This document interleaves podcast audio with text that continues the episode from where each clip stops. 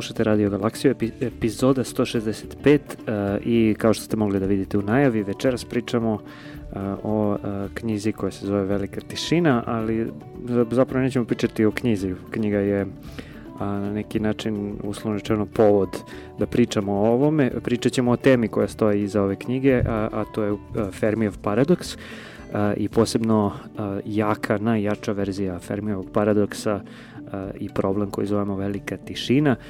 Knjigu je napisao Milan Ćirković, a izdata je na srpskom jeziku u izdanju čuvenog našeg prijateljskog Heliksa, izdavačke kuće, pozdravljamo i Bojana Stojanovića. Ovom prilikom večeras izdata je pre par meseci, preveo je Srđe Janković, može da se nađe gde god da, da kupujete popularne knjige, gde god da kupujete Helixova izdanja, a, a možete da je poručite i preko sajta helix.rs zajedno sa drugom jednom Milanovom knjigom koja će izaći za pa valjda mesec dana, dva meseca, tako nešto čini mi se, koja isto može da se u pretplati poruči na sajtu Helixa koje se zove Astrobiološki pejzaž. Inače, obe knjige je Milan napisao uh, Veliku tišinu za Oxford University Press 2018. a Astrobiološki pejzaž za Cambridge University Press uh, par godina ranije, tako nešto da... 2012. 12. 10 godina, čoveče.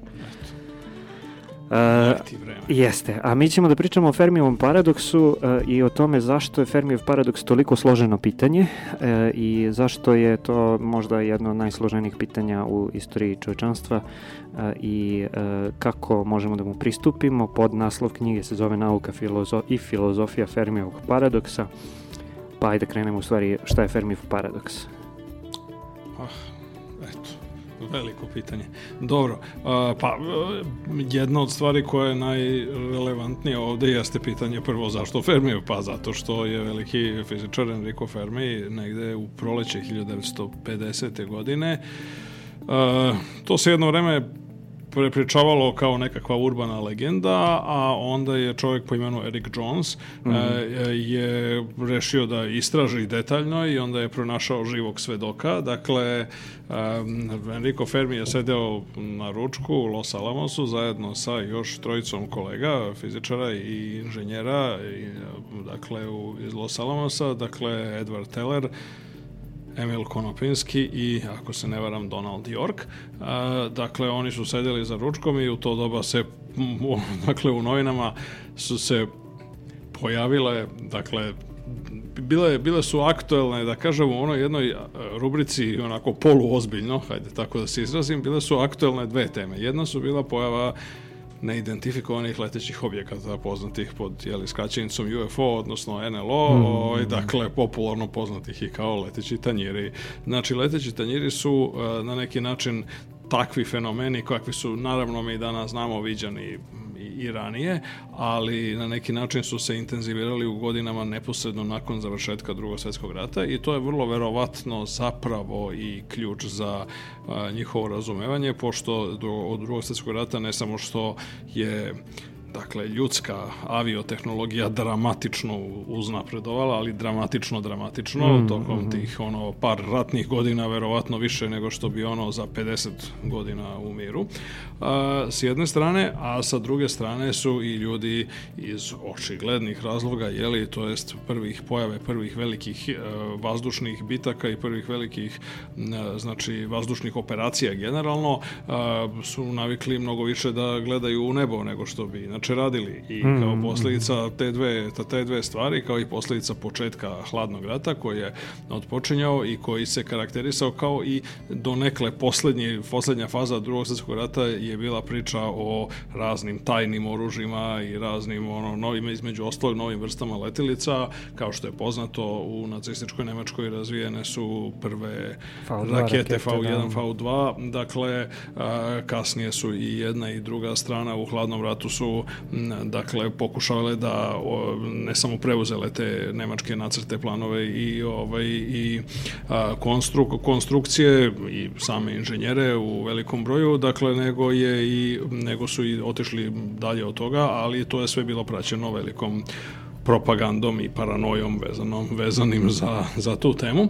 A, tako da je upravo, znači, krajem 40-ih, početkom 50-ih, kada se hladni rat zahuktavao, je pojavilo se jako mnogo viđenja raznih svetala na nebu, neobičnih kretanja, objekata i tako da. U to vreme još nije, u to vreme još nisu bili popularni takozvani ono što će kasnije biti poznato kao bliske susreti treće vrste gde mm -hmm. ljudi tvrde da su bili oteti recimo od strane vanzemaljaca i slično. To je bilo još ono u budućnosti, ali viđenje raznih neobičnih objekata, raznih svetala koje se čudno kreću na nebo i tako dalje, o tome su pisale novine. Isto vremeno su novine pisale u jednom polušaljivom tonu o tome da u New York City iz nekog nekog razloga neko počeo da odnosi i u nepoznatom pravcu jednostavno da krade kante za otpadke. Mm -hmm. Dakle, jednostavno kontejneri i kante za otpadke su nestajali, ovi za javno korišćenje su jeli, misteriozno nestajali i onda su a, ove Fermi i njegovi drugari na ručku polu, Fermi je predložio ako polu, polu šaljivo prvo da bi to bilo odlično objašnjenje, mislim da zapravo da ako bi pretpostavili da zaista ove, su ove, identifikovani leteći objekti vanzemaljskog porekla, onda verovatno verovatno najbolji način na koji bi oni mogli da, da saznaju nešto o ljudskoj civilizaciji jeste da preturaju po kantama za otpadke i da vide mhm. šta to ove ljudi bacaju. To je inače često standardna procedura prilikom raznih kriminalističkih istraga i to CSI ko voli i tako dalje zna. Dakle, to je jedno, istovremeno reče, to istovremeno je zaključio da je to, to je jako dobra stvar da bismo jednom, jednom hipotezom bismo mogli da objasnimo dve čudne pojave. A, ovaj, onda su oni naravno smeli, nastavili su sa ručkom i tako dalje. Jednom momentu, mislim, Fermi se nešto zamislio i, ovaj, i dakle, ovaj, rekao, ne, ne, aj sad ozbiljno govoreći, mislim, zove, ako bi zaista, ovaj, dakle, ukoliko bi postojala vanzemaljska inteligencija sposobna da jeli putuje kroz svemir, ovaj, onda se opravdano postaje pitanje jeli gde su gde su svi oni, zato što ovaj, i on je intuitivno naslutio ono što danas znamo mnogo bolje i mnogo, mm -hmm, mnogo preciznije, a to je da a, bez obzira što je i recimo naša galaksija i veoma velika i veoma stara. Postoji jedan vrlo dobro definisani smisao u kome je ta vremenska ekstenzija, vremensko trajanje mnogo veće nego što je prostorno. Mm, mm. Dakle, čak krećući se i jako malim brzinama, veoma malim, praktično maltene onima koje su dostupne danas i tako primitivnoj civilizaciji kakva je ljudska. A, dakle, galaksiju je moguće preći iz kraja na kraj mnogo puta tokom njene, njenih, recimo, uslovno govoreći desetak, ok, mi danas znamo recimo nešto oko 12 milijardi godina starosti. Mm -hmm. I u tom smislu, ako pretpostavimo recimo da su, kao što imamo sve razloge da verujemo da ove leteći tanjiri nisu zaista vanzemaljski posetioci, ima jako mnogo razloga u prilog tome, ja preporučujem, ono, ima sjajnih knjiga Filipa Klasa, Karla Segana i tako dalje, koje vrlo efikasno ovaj, dakle, demantuju razvijaju tu, tu famu, mislim, koju ovaj, ufolozi i drugi entuzijasti pokušavaju da, da šire. Ima jako mnogo razloga zašto, zašto je krajnje neverovatno da e, su u pitanju zaista posetioci, zaista, znači, ajde da kažemo, uslovno govoreći, manifestacije e, letilice, vozila, manifestacije vanzemaljske inteligencije. A ima čak i naša uh, antropološka knjiga o, o, o, o samo toj društvenoj pojavi koju je napisala Nina Kulenović, mm -hmm. koja se zove ufologija. Jeste ufologija, da, da, da. da. Isto pre, Ove, tako da, tako da je ono što, ono što jasno jeste da to jeste pre svega sociološki fenomen. To je ono što, znači, ljudi teže da vide. Carl Gustav Jung je recimo imao najbolju teoriju ovaj, na tu temu. Ovaj, a, dakle, Carl Gustav Jung je lepo sugerisao, on je, on je lepo rekao, kada ljudi su ranije a, sve anomalne pojave koje su bile van njihovog iskustva pripisivali jeli, religijskim, religijskim bićima, znači anđelima, demonima i tako dalje.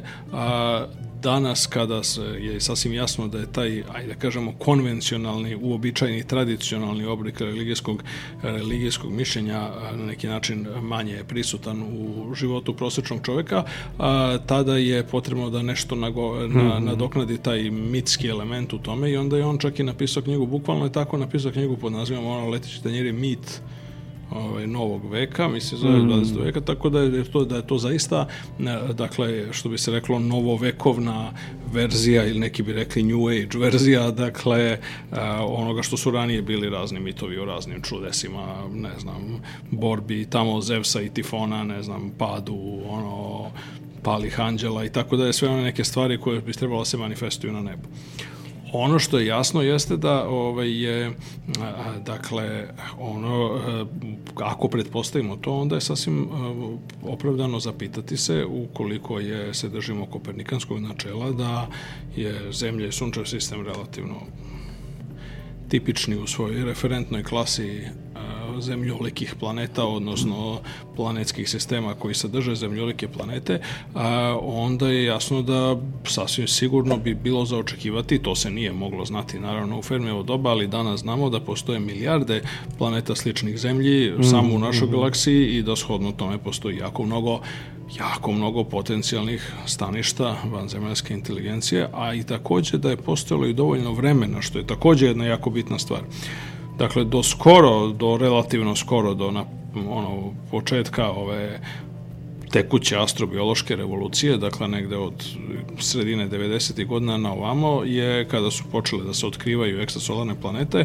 Dakle, prvo mi znamo da sunčev sistem nije jedinstven, dakle, nasuprot nekakvim starim katastrofičkim ono, idejama koje su bile dominantne pre stotina godina, a, koje su, recimo, James, recimo, James je imao teoriju po kojoj je planetski sistem nastao kao posledica bliskog prolaska druge zvezde blizu Sunca koja je onda svojom gravitacionom i plimnom, plimnom silom dakle otrgla veliki deo materijala sa Sunca i onda su se od tog materijala formirale planete recimo da je to slučaj onda bismo očekivali da ima jako malo, da je možda Solar sistem možda jedinstven u galaksiji ili mm. ima jako malo planetskih sistema, pošto je jednostavno takav događaj, takav bliski prolazak dve zvezde je ekstremno da, da. redak.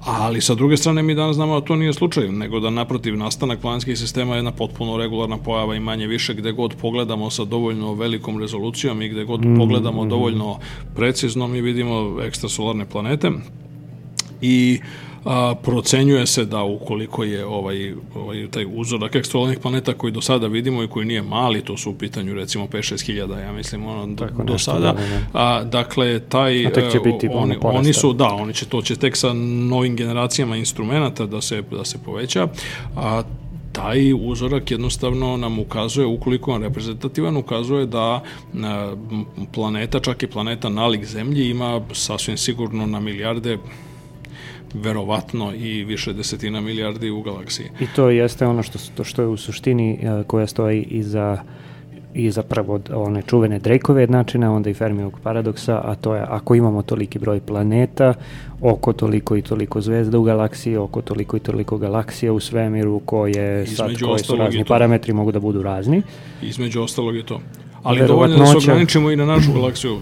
Takođe, zapravo ne gubimo mnogo na, na, na opštosti ako se ograničimo na našu galaksiju, jer e, naime ima jednostavno dovoljno mnogo habitata i oni su dovoljno stari. Da, takođe to znamo, zahvaljujući mm -hmm, od 2001. Mm -hmm. zahvaljujući radovima pre svega velikog novozelandskog astrobiologa Charlesa Linevivera i njegovih saradnika, dakle su, mi znamo da je raspodela starosti planeta nalik Zemlji takva da e, su one u proseku medijana je recimo za nekih skoro 1,8 milijardi godina veća od starosti Zemlje, što će reći, mm -hmm. mislim da je najverovatnije zapravo u nekom smislu da mm, je prosečno izabrana planeta ili starija. toliko ili ono mm -hmm. 2 milijarde ili više starija. starija zemlje, da. E, a sad nas čak i ne zanima, čak i nas ne zanima medijana ili neka druga, neki drugi estimator srednje vrednosti. Nas zapravo zanima onaj podskup najranijih mm -hmm. planeta koje su prve nastale i prve evoluirale. I to da. se desilo jako davno. I to ima, znači njihova starost je, preko 9, mislim 9,2, 9,4 milijarde godina, dakle i a, to je onda se postaje pitanje šta se desilo, ovaj, šta se desilo sa evolucijom, na primer hemijskom pa i biološkom, ako pretpostavimo jedan kontinuitet da tu, koji tu postoji i dakle na tako, na tako u tako, tim najstarijim habitatima. Mm -hmm. A, I zbog toga je to pitanje, upravo zbog tih novih rezultata koji su proizvod, dakle, ove, znači astrobiološke revolucije koja neki način je i dalje u toku, koja je otpočela negde sredinom 90-ih, 1995. kada je otkrivena nepobitno prva ekstrasolarna planeta u sistemu 51 mhm, Pegaza. Ovaj, dakle, od tada pa da je to je zapravo učinilo da taj, to Fermiovo pitanje postane aktuelnije.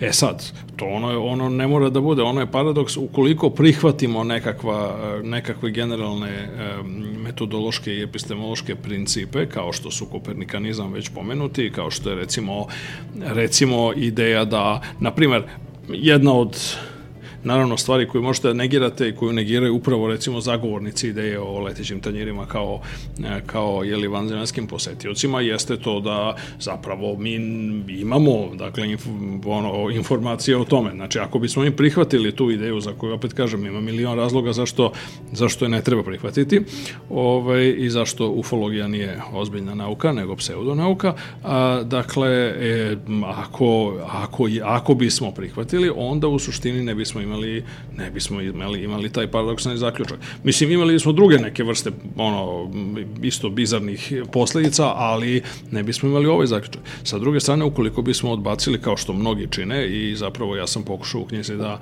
napravim jednu taksonomiju toga šta, mislim, ako mi odbacimo mm, bilo koji od tih nekih ključnih načela, mi dobijemo jednu familiju rešenja, verovatno najpopularnija, a kad bismo ovako sagledavali odokativno i grubo, najpopularnija porodica ovaj, rešenja je ona koja podrazumeva da mi treba da odustanemo od kopernikanizma, odnosno od ideje da je Zemlja tipična planeta, ali nema, nego da je obrnuto da prihvatimo ideju da iz nekog razloga, iz nekog razloga sad, razne su tu se granaju ideje, ovaj, dakle šta bi mogao biti taj razlog, iz nekog razloga je Zemlja specijalna i onda kao posljedica te specijalnosti je zapravo zapravo, o, dakle, a, mi ne možemo da očekujemo da su se na drugim, makar i starijim planetama nalik Zemlji, da se evolucija došla do nivoa inteligentnih bića i tehnološke civilizacije i pogotovo onog nekog nivoa koji bi bio dovoljan da se ili fizički posete druge planete u galaksiji ili da se makar manifestuje indirektno kroz neke od tehnosignatura ove ili one vrste. Po čemu se to razlikuje od recimo hipoteze redke zemlje? Pa to ne razlikuje se, zapravo to da. jesu različite podvarijante, ajde da kažemo tako, hipoteze redke zemlje. Mm -hmm. Koja naravno, mislim, je potpuno nezavisno od ove debate, mislim, zove i o diskusiji o vanzemanskoj inteligenciji i o Fermijevom paradoksu, koja ima neke svoje generičke inherentne probleme. Mm -hmm. Dakle, takođe treba imati u vidu. Mislim, jedna od stvari koja, evo, samo ću da navedem u vrlo kratko, mislim, samo jednu, jednu stvar.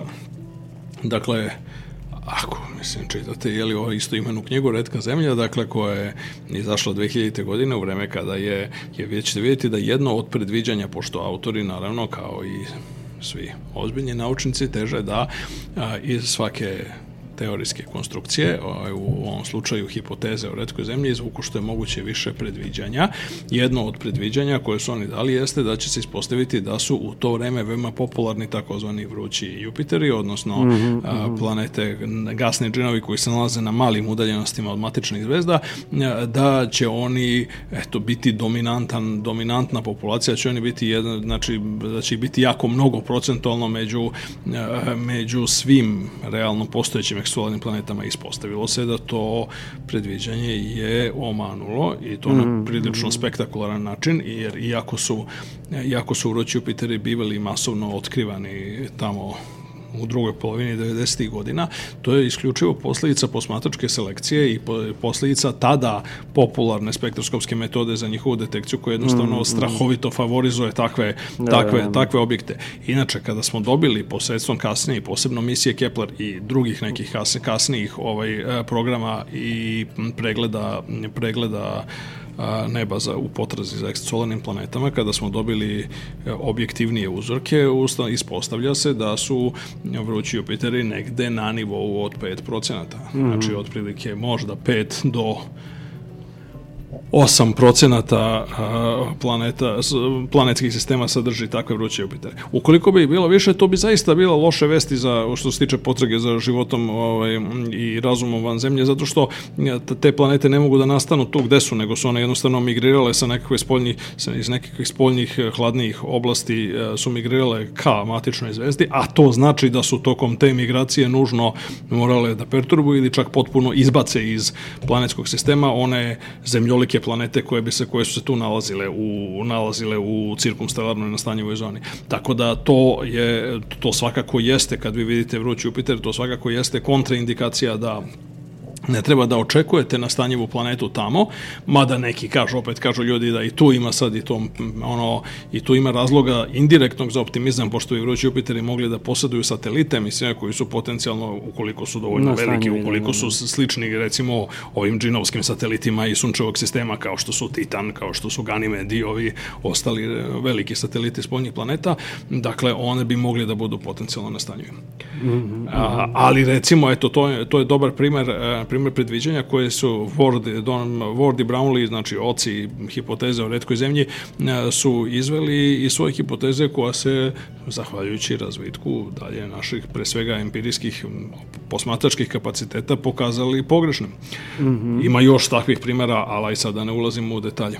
Mm, dobro, slušamo malo muzike pa se vraćamo da nastavimo sa razgovorom.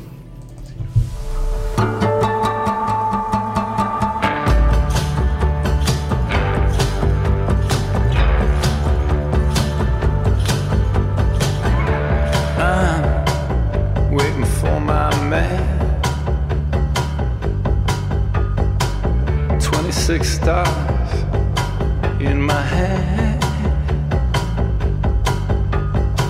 Up to Lexington, 125. Feeling sick and dirty, more dead than alive. Waiting for my man. Hey, white boy, what you doing the time? Hey, white boy, you're chasing our women around. Oh, part of me, sir, it's the furthest from my mind. I'm just looking for a really good friend of mine. I'm waiting for my man. Here he comes, he's all dressed in black. PR shoes in a big straw hat. He's never early, he's always late. First thing you learn is that you always gotta wait. I'm waiting for my man.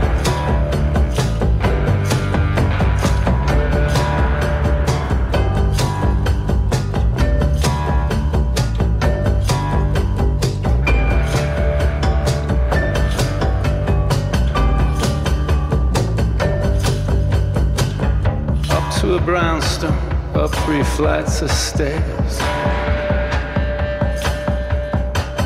Everybody's pinned you, but nobody cares. He's got the works, gives you a sweet taste. You gotta split because you got the time to waste. I'm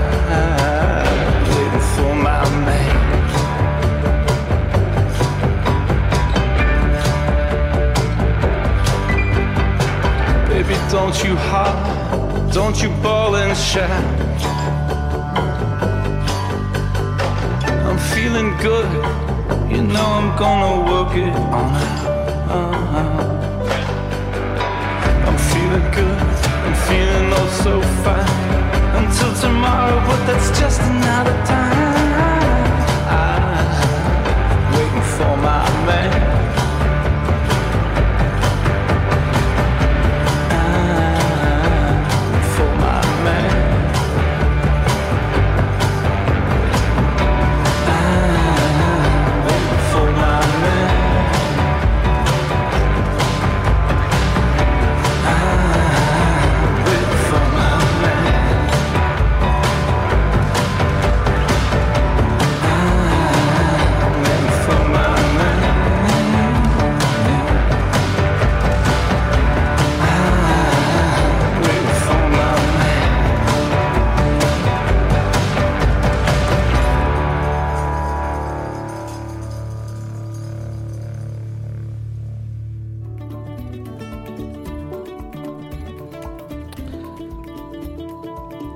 Pošto smo uh, rekli da ima mnogo različitih uh, re, rešenja Fermijevog parad, paradoksa, odnosno uh, mnogo različitih um, postavki Fermijevog paradoksa. Može tako da se kaže da zapravo... Pa može, može se kaže verzija, recimo, kako možda je verzija da... najadekvatnija mislim, a mhm. može i postavke, naravno. Verzija, okej. Okay. Uh, ajde da možda ono razmotrimo par tih nekih različitih scenarija koje mogu da razreše Fermijev paradoks ili da ga problematizuju. Uh, pa ne znam, eto jed, jedna stvar koja može da bude zanimljiva jeste da šta ako zapravo te vanzemaljske civilizacije nisu jednostavno dovoljno napredovale da bi bile detektabilne i kontaktabilne.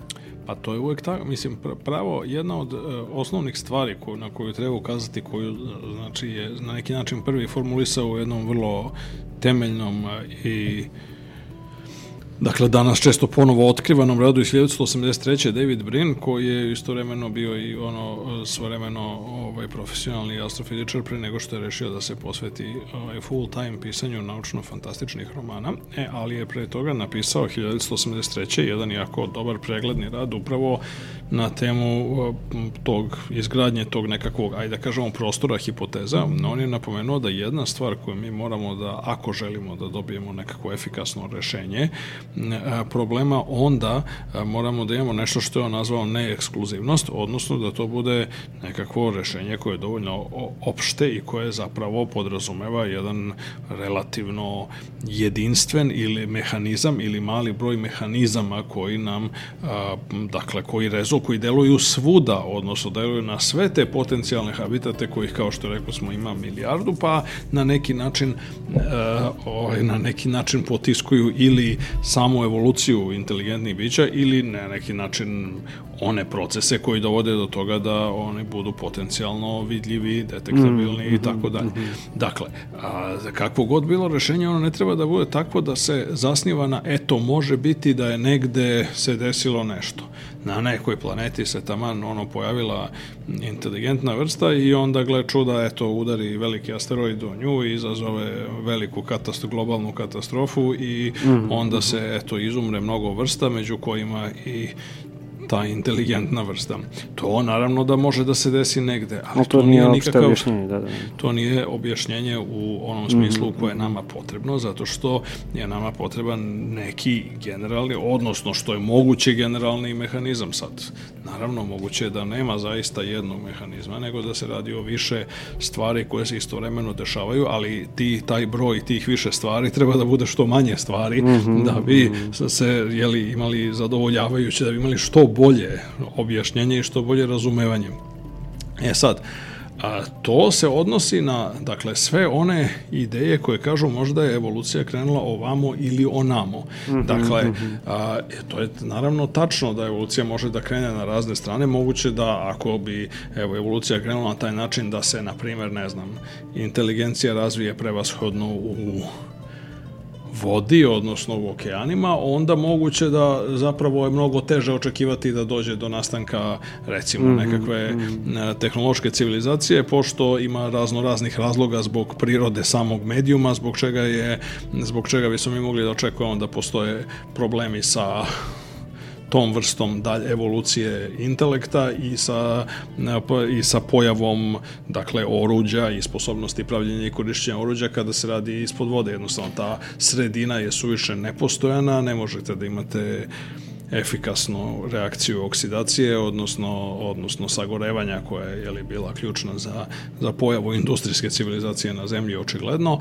E, imate čitavni, imate potrebu da, da postoji nekakva velika hidrodinamička, ovaj, dakle, da, da imate, da se sve dešava u, u hidrodinamički mm. ovaj, doteranim profilima i na neki način e, je čak i morfološki gledano e, dakle organizmi veći broj e, najveći broj morskih organizama sa par izuzetaka kao što su recimo oni baš najinteligentniji a to su oktopodi i sipe džinovske sipe i džinovski oktopodi uglavnom veći broj morskih organizama dakle je znači nema odgovarajuće udove za manipulaciju objektima u spoljnom svetu, vrlo je teško da manipulišu objektima u spoljnom svetu i morski organizmi generalno sa opet par izuzetaka žive mnogo kraće nego organizmi na kopnu, bar je takvo iskustvo evolucije na zemlji, jer recimo većina zoopsihologa se slaže da upravo recimo kratak životni vek tih kefalopoda, odnosno oktopoda i sipa, zapravo sprečava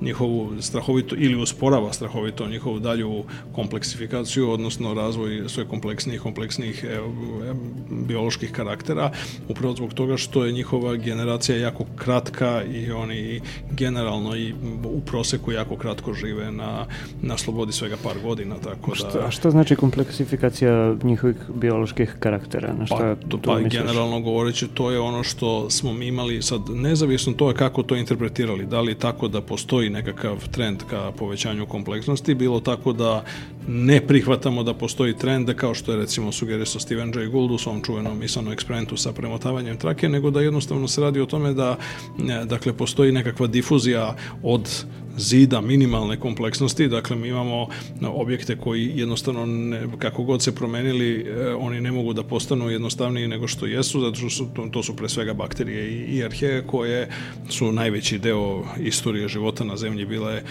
jedini stanovnici zemlje, dakle, a, a to je za, mislim, kada bi oni postali jednostavniji, onda više ne bi bili živi jednostavno, tako mhm, da mhm. je sa te strane to je, to je jedan potpunizi, a sa druge strane bilo koja potencijalno beneficijalna mutacija će dovesti do toga da će se one usložniti i ultimativno dovesti do pojave svih ovih drugih kompleksnih organizama koji su na neki način kada su potekli od zajedničkog predka, a zajednički predak je bio nekak nešto što je najviše ličilo na savremene bakterije i arheje, šta god, kako god on tačno izgledao. Ok, to je, to je u suštini znači neka donja granica kompleksnosti Jeste. za koju možemo da ustvrdimo da je, da je tako. Tačno, mi ne znamo da li postoji gornja granica, gornja granica je negde za sada, mislim zove tu negde upravo gde je homo sapiens, zato i jeste, odnosno njegova kulturna evolucija postala dominantna u odnosu na, na biološku i neki kažu da smo mi eto sad na pragu postbiološke evolucije i to je upravo ono što je jako interesantno pitanje, dakle kuda, do kakvog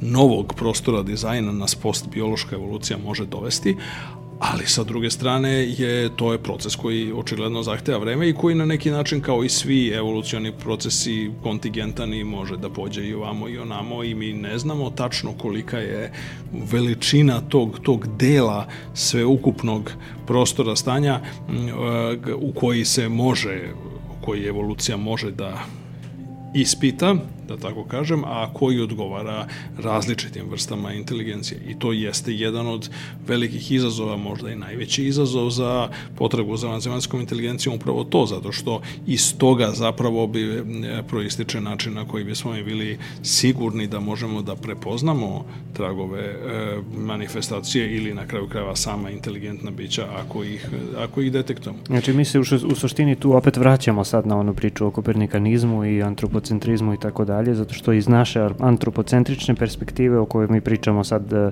o inteligentnim e, bićima, ugledajući se na to šta je složenost e, na nivou inteligencije da, da, da. i biološkog karaktera, u stvari na zemlji, mi u suštini ne možemo ni na koje druga, drugo pitanje ni da odgovorimo osim na to uh, gde hoćemo da pričamo o inteligentnom životu nalik na homo sapiens. Pa sad pazi, mislim, ok, to je možda malo Ka, suviše, se, to je se... suviše skeptičan zaključak, mislim, koji su mnogi, mnogi zagovarali, mislim, najvećim Ne, naravno, sad zvuči ono vrlo ekstremno i rigidno kao odgovor.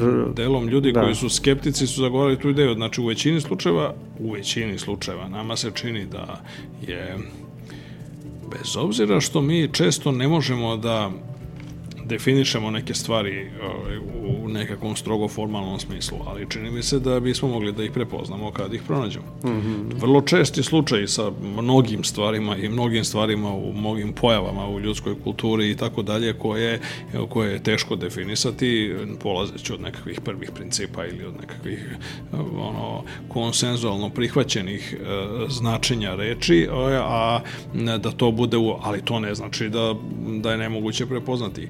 Mnogi smatraju da se upravo to se odnosi i na sam život, znači na pitanje šta je život, jeli, na koji su mm -hmm, pokušavali ljudi da odgovore jako dugo, tamo Schrödinger i njegove istoimene knjige. Da, da, da. A, dakle, na to pitanje nemamo odgovor u nekakvom formalnom smislu, u smislu da imamo sad, ne znam, definiciju života u smislu u kojem, ne znam, u matematici imamo definiciju, ne znam, trougla ili kakvog drugog da. objekta. Ali je i samim tim onda Dakle, podskup života je inteligentni život, znači utoliko samim tim ne možemo ni da budemo sigurni da smo definisali. Ja, ali to sve jedno znači, ne znači da mi ne očekujemo da u nekim situacijama znači možemo da percip, možemo da budemo sigurni da je u pitanju neka, da je u pitanju nešto što se najčešće najčešće smatra nekakvim intencionalnim delovanjem koje bi se moglo prepoznati. Recimo, mm. još u stara vremena, evo, kad smo već kod matematike, jedan od prvih ljudi koji su ozbiljno razmišljali o komunikaciji sa, sa stanovnicima drugih planeta, do duše u sunčanom sistemu, bio je Carl Friedrich Gauss. Mm -hmm. Carl Friedrich Gauss je sugerisao da se na velikim ravnicama na zemlji ili u pustinjama, dakle, ispišu nekakve, recimo, na primer, pravougli trougao. Na primer, da se, na primer, primjer, zasadi drveće u obliku pravouglog trougla ili čak da se, ne znam, ono je, iskopaju kanali koji su u obliku pravouglog trougla koji bi onda, recimo, potencijalni stanovnici Marsa, za koji se verovalo u 18. i 19. veku da je nastanjen visoko razvijenom inteligentnom civilizacijom, a, bi mogli da utvrde da na zemlji postoji razuman život, pošto oni ne bi očekivali da se jedan geometrijski objekat kakav je pravougli trougao ne pojavi sam od sebe, znači nekakvim mm, mm. ne namernim, ne intencionalnim procesom. E sad, ima ljudi koji kažu, isto tako su Nikola Tesla, koji je bio jedan od pionira jeli, potrage za radiosignalima i svemira i on je sam, kako kaže, pokušavao u svojoj laboratoriju u Colorado Springsu da detektuje potencijalne signale sa Marsa. On je u jednom tekstu koji je napisao u, na nagovor svog prijatelja ili u najboljem, mislim, eto, jednog od uh, malog broja ljudi koji su mu bili bliski, Huga Gernsbecka, koji je, uh, pored toga što je bio jedan od pionira naučne fantastike po kome se zove nagrada Hugo, mm -hmm, ovaj, mhm. on je i bio vrlo sposoban i, i vrlo dobar elektroinženjer i čovjek je, kada je emigrirao iz Luksemburga u Sjedinjene države, on je uh, u, u Americi, u Njujorku, osnovao časopis koji se zvao Electrical Experimenter, u kome je Tesla napisao na njegov nagovor nekoliko tekstova. U jednom od tih tekstova on upravo sugeriše da zapravo način na koji bismo mi mogli utvrditi da nekakav signal nije, e, nije prirodnog, nego je nekakvog e, tehničkog, tehnogenog porekla, dakle koji potiče od nekakve inteligencije, jeste da ukoliko se signali recimo ponavljaju kao kratki impulsi, koji odgovaraju prostim brojevima, na primjer. Mm -hmm, Oni sugerišu mm -hmm. da ako vidite recimo niz od dva signala, pa tri, pa pet, pa sedam, pa ne znam, 11, onda ćete zaključiti da se radi o vanzemaljskom životu, zato što E sad, recimo, posle su se pojavili u 20. veku, pojavila, pojavila se neka debata oko toga da li prirodni procesi recimo mogu da generišu proste, proste brojeve, i to postoji mhm, nekakva mm -hmm. velika debata. Nešto se diskutuje, ima nekakva ima nekakvi insekti koji se nešto hiberniraju određeni broj godina, pa sad neka, ne znam, hiberniraju, mislim ne znam koliki broj e, meseci da bi izbegli predatore, da bi se, mm, koji se predatori takođe hiberniraju i onda kad se probude istovremeno, onda je to loše po njih i onda su ovi zato napravili nekakav, odnosno evoluirali nekakav algoritam da e, ako jeli, hiberniraju prost broj sezona, mislim zove, onda je najmanja verovatnoća da će se poklopiti, mislim zove, da, sa, da, da, sa nisu predatorima. Deljivi, i... Nisu deljivi ni sa jednim drugim. E, upravo to, da, tako, da, sobom, da, tako da recimo postoji neka debata oko toga, ali generalno gledano većina ljudi smatra da recimo objekte koji imaju prave uglove, na primer. Znači, vrlo je mhm, teško, mm -hmm. u, vrlo je teško u prirodi pronaći objekte koji imaju prave uglove. Recimo, jedna od ideja u potrazi sa zaista velikim veštačkim strukturama a, jeste ideja francuskog astronoma Lika Arnolda koji je sugerisao još pre jedno 15 godina da bi zapravo u ovim a, misijama potrage za tranzitne planetama koje vrše tranzite preko diska matične zvezde. Planete su generalno sve okruglog oblika iz jasnih razloga, ali mi bismo teorijski mogli da dobijemo krivu sjaja, odnosno to pomračenje bi imalo drugačiji izgled kada bi mm, mm. objekat bio ne okruglog oblika, nego recimo nekakvog, na primer, pravog onog, romboidnog ili tako nekog da. oblika. I po Arnoldovoj ideji uz mali poboljšanje rezolucije mogli bismo detektovati tranzite ako postoje takvi veliki veštački objekti koji su se nalaze u orbiti. Recimo možemo zamisliti da bi to bile nekakve, na primer, ne znam, solarne stanice, na primjer, koje bi imale ili čak delovi nekakve Dysonove sfere u izgradnji ili tako nešto, koji bi imali m, tako neobične, neobične tranzite koji bi se razlikovali po krivoj sjaja. I čak smo imali jedan slučaj, ja mislim da smo i pričali u jednoj epizodi o onoj čuvenoj zvezdi Kic. Uh, jeste, većina ljudi smatra da to, da, da to može da se ovaj, objasni na druge načine, ovaj, sad ćemo da vidimo sad relativno usko, ako se ne varam, naredni ciklus tih ovaj, tranzita treba da počne tu sad nešto 2024. 25. tako tako nešto. Za baš ovu zvezdu, ono, ta bi, e, Jeste, ja da, mislim da baš, baš za, za, za, taj, za taj konkretan izvor i to je jedna vrlo interesantna stvar. To je recimo jedan primer nečega što ono posmatračkog rada koji bez obzira što neko će reći mislim ima relativno malu verovatnoću da bude uspešan, ali u tome jeste stvar. Znači vi morate na neki način da testirate sve delove tog velikog parametarskog prostora gde se mhm, nalaze mhm. potencijalne anomalije, potencijalne stvari koje bi mogle da ukažu na.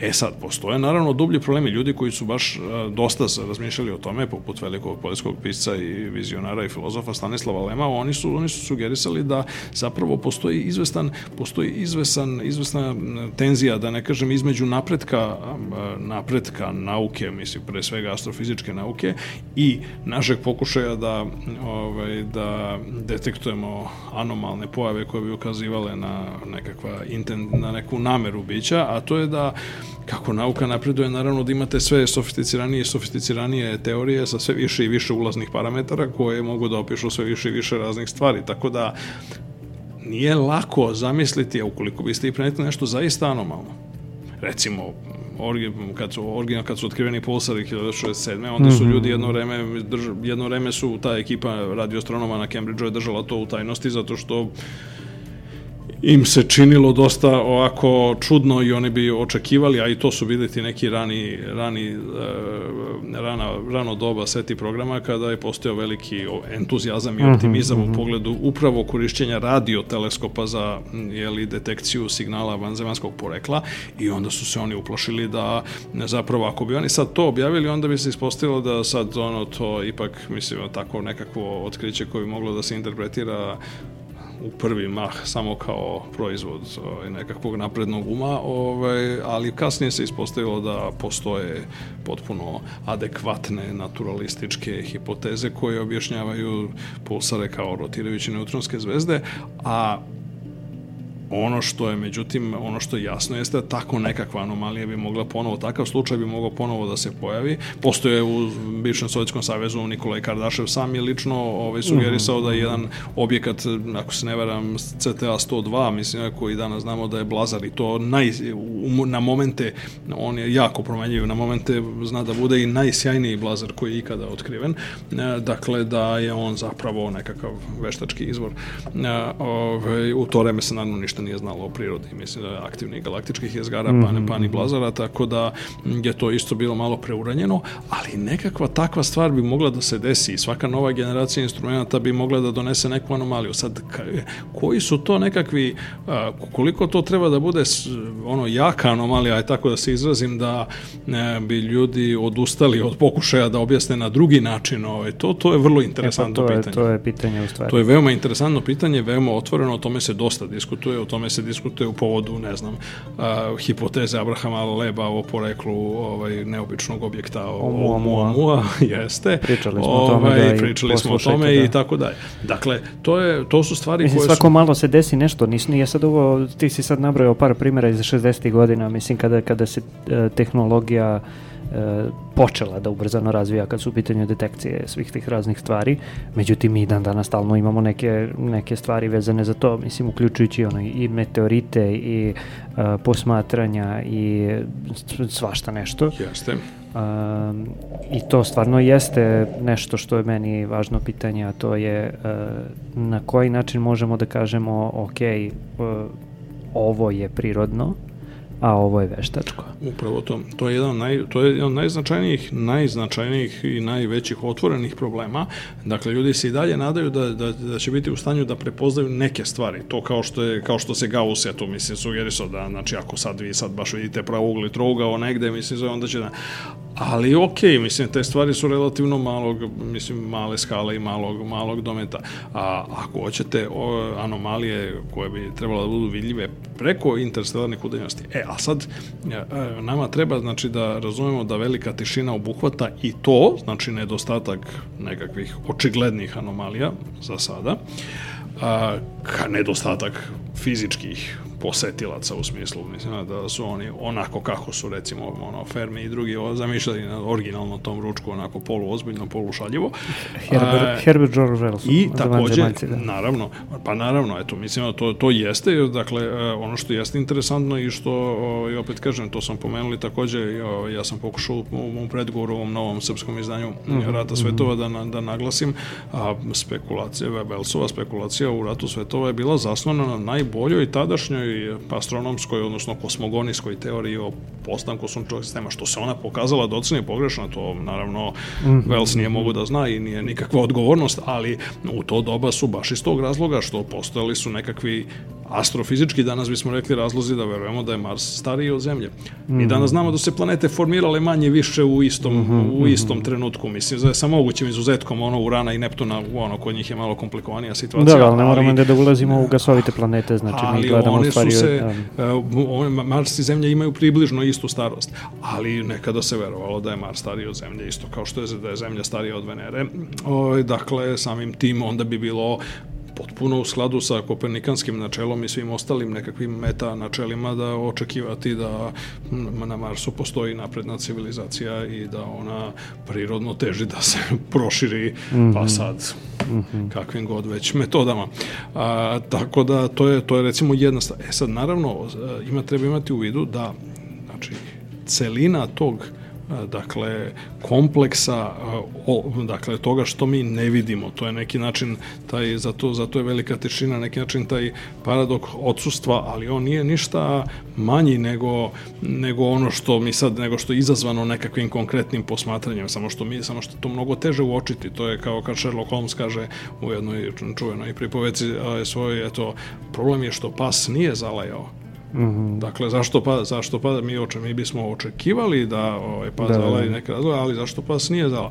E, a takve stvari je mnogo teže uočiti, mislim, generalno, to isto, to se odnosi na druge stvari, to se mm -hmm. odnosi na analizu rizika, na ekonomiju i tako jeste, dalje, to, to, je, to, to je ono što, Taleb kaže u crnom galabu, u crnom labudu, labudu. Ovaj, dakle, ne, ovaj, to je ono, niko još nije dobio orden za, za to što je radio svoj posao i izbegao veliku katastrofu. Da, da, da, da, da. Jeste. Ajmo napravimo jednu pauzu pa ćemo da se vratimo da zaokružimo. Ova emisija će danas biti malo kraća. A, slušamo, pa ne znam šta je ovo, sad ćemo da pustimo tu na, na listi.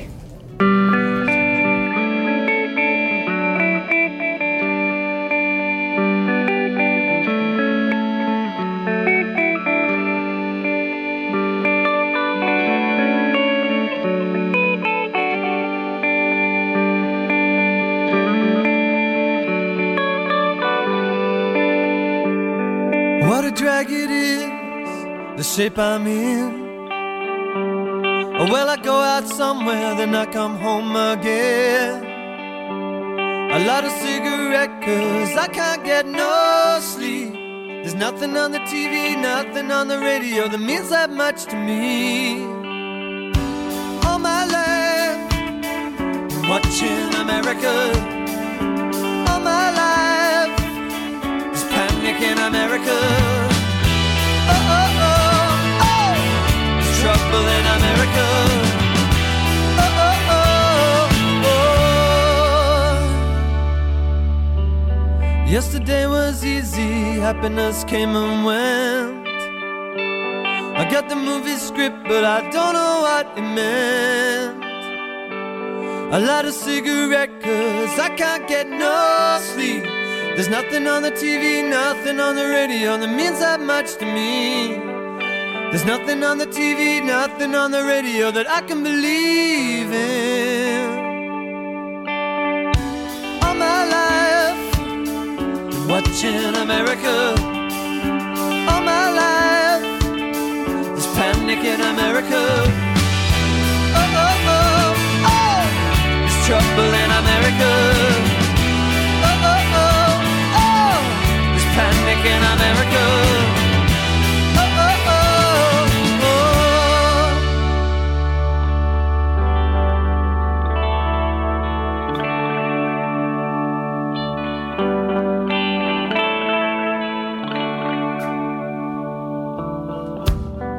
Yesterday was easy as I got the news. Oh, when you get it straight, you stand up, you just can't lose.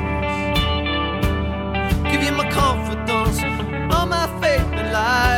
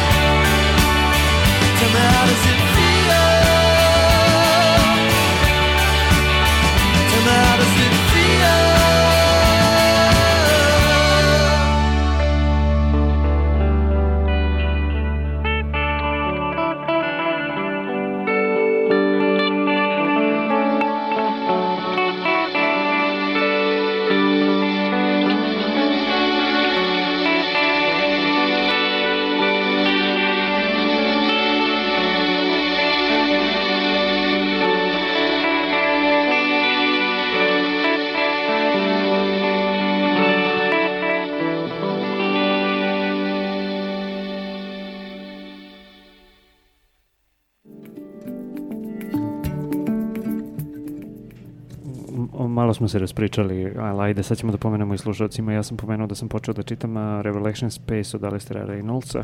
A, pričat ćemo nekad o toj knjizi, vjerovatno detaljnije i generalno o Reynoldsu. A, on počinje zapravo knjigu sa pričom o, to, o a, arheološkom lokalitetu na pa, jednoj nekoj planeti a, koju iskopava neka vanzemaljska inteligencija zapravo. Ne, koja- o, ne, one, to, to je, ne, ko- ostavila je lokalitet vanzemaljska inteligencija, da, da, da, a da, a iskopavaju, iskopavaju nekakvi po- budući po- ljudi, potomci mislim, ljudi, da, da, da. dakle, u Dešava se- nekom 26. Jest. veku ili tako nešto. Jeste. Uh, I sada to je isto pitanje, znači da li mi možemo da nađemo nekakve artefakte koji su uh, sakriveni, odnosno koji nisu tako lako vidljivi, Uh, jer uh, mi možemo da pričamo o, o, o, ne znam, artefaktima i posmatranju ogromne strukture koja se nalazi oko planete, zato što ona je vidljiva na neki način. Ili o, da, ne znam, jasno. osvetljenju i svetlosnim uh, artefaktima koje, na, uh, kad bi sad neka druga vanzemaljska civilizacija posmatrala našu, mogla bi da pronađe na zemlji veštačku uh, tvorevinu, a to je ulično osvetljenje koje se vidi iz svemira. tačno, A, tačno. I ovaj, uh, a šta ako se dešava, uh, a- ako, na jed, ako zapravo tragovi vanzemaljske civilizacije se nalaze negde a, tako zakopani u zemlji? A, To je odlično pitanje. E, Dakle, ono poenta, dakle, te priče jeste u dve stvari. Dakle, na zemlji su najvećim delom postoje u suš- suštinski dva razloga zašto bi artefakti bili, za, a, ljudskih civilizacija bili zakopani. Jedna je potpuno akcidentalnim putem, zato što jednostavno Prirodnim, zbog da, da, da. nanosa, pre svega aluvijalnih nanosa, većina civilizacije je nastala ili u dolinama velikih reka ili duž obala mora i jezera, tako da se tu postoje, mislim, promena visine terena i onda samim tim se stare stvari bivaju zakopane nad nekakvim novim nanosima. Ali postoji jedna grupa objekata i artefakata koji su namerno svesno zakopani zato da bi se sakrili. Njih je mnogo teže otkriti. Otkrivaju arheolozi i to, ali u mnogim slučajima, recimo grobnice vladara ili tako nešto, su zakopane namerno da bi se izbegli pljačkaši grobnica i slično. E sad, Neki a, čak i sakriveni, ajde, mislim i da pomenemo to, to je meni zanimljivo, pomenuo si u, u, sad u, u ovaj, kako se zove, u pauzi si pomenuo grobnicu Filipa Makedonskog. Jeste, grobnica Filipa Makedonskog i generalno makedonske kraljevske dinastije Argeada je pronađena mm -hmm. krajem 70. godina u blizini sela Vergina, blizu Soluna a, i predstavlja jedno od najznačajnijih arheoloških otkrića ikada. Ali te grobnice su bile sakrivene, one su bile bukvalno ono podignute, vrlo veličanstveno i zakopane. Priča se da se isto odnosi na grobnicu prvog osnivača Ujedinjene Kine, cara Shi Huangtia, mislim koji je takođe bog zna kako veličanstvena, opisali su neki istoričari, ali je odronom planine zakopana i niko tačno ne zna da li gde se nalazi. A, neki kažu i da je to samo legenda, da, da ne postoji zaista i tako dalje. A, tako da je, to je uvek bio slučaj tokom istorije, da su postojali razlozi da se nešto svesno sakrije. E sad, u mhm, slučaju mhm. vanzemaljske civilizacija, ako su one zaista sofisticirane i napredne, ako one žele nešto da sakriju od nas, one će to sakriti. Znači, jednostavno poenta jeste samo razvitak naših posmatračkih i detektorskih mogućnosti mm -hmm. i ono što se zove remote sensing, što se koristi i u arheologiji između ostalog i u mnogim drugim stvarima već danas. Uključujući A, u, i in situ istraživanja, naravno, da. Upravo to. In situ istraživanja to. su malo nezgodna na ovaj, međuzvezdanim udaljenostima. Jeste, još uvek u budućnosti vidjet ćemo, nadamo se da, da ćemo poslati sonde, evo recimo na primer Proximu B koja je relativno blizu planeta u, kažu u nastanjivoj zoni oko nama najbliže zvezde Proxima Centauri, tako da Breakthrough inicijativa ima niz projekata kako da pošaljemo nekakve male sonde na Proximu B, e, zato ona je jednostavno to dovoljno blizu da čak i kreću se relativno malim brzinama bi one mogle da stignu tamo u okviru nekakvog, ajde da kažemo, podužeg ljudskog veka. A, dakle, a, to su recimo stvari kojih se naravno očekujemo ta kosmička arheologija, kako se češće naziva zaista, dakle, mm -hmm. očekujemo da ona tek se rascveta i tek pokaže svoje kapacitete i sposobnosti. Međutim, kada se govori o artefaktima detektabilnim, obično se misli na drugu vrstu artefakta koji su sami po sebi se nalaze ne na planetama i ne negde, mislim, gde bi se moglo sakriti relativno efikasno, nego baš naprotiv u, dakle, međuplanetskom i međuzvezdanom prostoru i koji bi samim tim, zahvaljujući svojim osobinama, svojim astrofizičkim osobinama, odudarali, mislim, zove od nečega. Recimo, najpoznatiji primer taj ovaj su, jeli, Dysonove sfere, mm -hmm. koje mhm. Freeman Dyson sugerisao o čemu smo pričali u emisiji o njemu još 1960. godine davne i koje bismo kao vrlo specifične infracrvene izvore bili u stanju da potencijalno detektujemo na velikim udaljenostima. E, takve slične i druge vrste takvih konstrukcija bismo mogli da detektujemo i one, one imaju tu zanimljivu osobinu da s obzirom da u svemiru generalno ima malo materije i generalno svemir dosta hladan i generalno je prosečno mesto u svemiru jako hladno i mirno. Dakle, u svemiru imamo vrlo malo erozije. Postoji nekakva erozija uvek, naravno, usred meteorita, mikrometeorita, čestica, međuzvezdane prašine i slično, kosmičkih zraka, ali ona veoma, veoma mala, ona je redovima veličine manja od onoga što imamo na planetama, mm -hmm. posebno na planetama sa atmosferama. Tako da, posebno na planetama gde potencijalno ima drugi drugih oblika života neinteligentnih kao što je zemlja gde je erozija ekstremno jaka, između ostalog i zbog prisustva... Ovaj, si upravo jeli, rekao neinteligentnih. Pa ima neinteligentnih vrsta pored, pored navodno inteligentnih, tako da to, to je upravo da kad, je, kad imamo celo, celinu biosfere, jednu da ne kažem gaju, ovaj, onda je tu erozija jako velika. Nasuprot tome nekakav artefakt poput Dysonove sfere bi mogao uspešno da, da, da on bi jednostavno ostao tamo, zato što jednostavno suviše veliki i nema šta s njim da se desi posebno. Dakle, on bi ostao tamo na vremenskim skalama koje su ogromne, mhm, potencijalno -hmm. mnogo veće od dakle, životnog veka civilizacije koje ih izgradila. Što uzre budi rečeno je takođe nešto što je iskustvo prethodnih ljudskih civilizacija na zemlji. Ne treba zaboraviti da mi -hmm. i o brojnim starim ljudskim civilizacijama saznajemo gotovo isključivo Samo preko njihovih artefakata, da, da, da. i to mm -hmm. onih artefakata koji po definiciji nisu propali zahvaljujući o eroziji. Mi mhm. imamo mi čitav niz stvari koje su potpuno propale, znači objekti koji su bili pravljeni recimo od drveta i šta ja znam drugih stvari, mislim iz ove iz veoma iz najstarijih civilizacija su mahom istrulili i u veoma redkim slučajima su sačuvani. Mm -hmm. Objekti koji su najočigledniji i koji su na neki način motivisali potragu za drugim stvarima, motivisali arheološke napore, su bili objekti poput piramida, koje su jednostavno dovoljno velike i masivne, da iako postoji erozija, ona ih nije mnogo oštetila u tih par hiljada Par godina hiljada koliko godina, je da. proteklo od kada su sačinjene. Drugi neki slični, recimo, ne znam, ona, one piramide u Latinskoj Americi, ne Su znam, starije, zidovi da, Kuska i to- tako to je dalje. sve par hiljada Ovaj, godina, Ti svi odnosno. objekti, mislim, zove su Stonehenge na kraju krajeva i tako da ti svi objekti su takvi, za, e, oni su privukli pažnju i na neki način generisali dalje interesovanje arheologa, pa su onda oni pored toga pronašli, pa se pored piramida pronađeno ovo i ono, danas znamo da pronađeni su i ono smeštaj za radnike i ne znam, znamo i šta su graditelji piramide jeli i tako dalje. E, Ovaj, znači, jako mnogo toga, zahvaljujući tome što smo originalno identifikovali tu, tu taj jedan veliki ili nekoliko velikih artefakata koji su preživeli upravo zato što ih erozija nije bitno dotakla.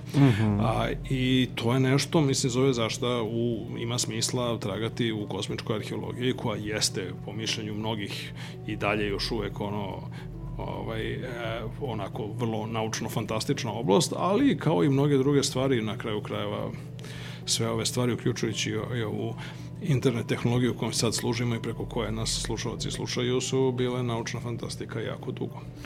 Da, i vrlo su otporne zapravo na eroziju, tako da ovaj, ostaće nakon nas dugo kao artefakt naše civilizacije. A, šta još ima što treba da pomenemo samo ukratko pa da završimo u stvari što je važno da se istakne iz ove knjige, Pa ima da, to da, da- nekako ovaj, a, napravimo i tu jednu malu reklamu za, E, za pa dobro, još. mislim ima to da dakle kraju. knjiga sadrži ovaj mnogo različitih potencijalnih e, nekih interesantnih, nekih manje interesantnih hipoteza koje bi mogle da objasne zašto mi još uvek ne e, ne, ne uočavamo tragove vanzemaljske inteligencije, a neki od njih su vrlo spekulativne, neki od njih su recimo relativno konvencionalni i običajne, na neki od njih se nailazi u, u SF diskursu i SF knjigama pa i filmima, na neki od njih se Mhm, tek e, će se tek naići, a, tako da svako može da napravi svoju ovaj, rang listu omiljenih i svako može da pronađe nešto što će se njemu dopasti. Eto, napravili smo jedan mali uvod u ovu tematiku, verovatno ćemo se vraćati ovim temama a, i napravili smo i malu promociju ove knjige, slobodno je kupite, a, slobodno, ne ujeda. A, naručite, a, kupite i, a, što je još važnije, javite nam utiske. Znači, javite nam ako imate upravo što je Milan pomenuo, a, svoju omiljenu verziju Fermijog paradoksa i razrešenje i pitanje a, i pišite nam i ako hoćete da možda a, pitamo Milana još neke druge stvari vezano za, za ovu temu. I ne samo za ovu temu, vraćat ćemo se mi i drugim temama. Seti smo vrlo onako šturo pomenuli, to je tema za sebe na neki način, a, tako da pričat ćemo u nekom trenutku ponovo i o tome. E, ništa, ostavljamo vas e, sa radioaparatom. E, mi odlazimo i čujemo se sledećeg utorka. Ova epizoda je bila malo kraća, ali o, šta da se radi, dođe i tako vreme. Do slušanja. Do slušanja.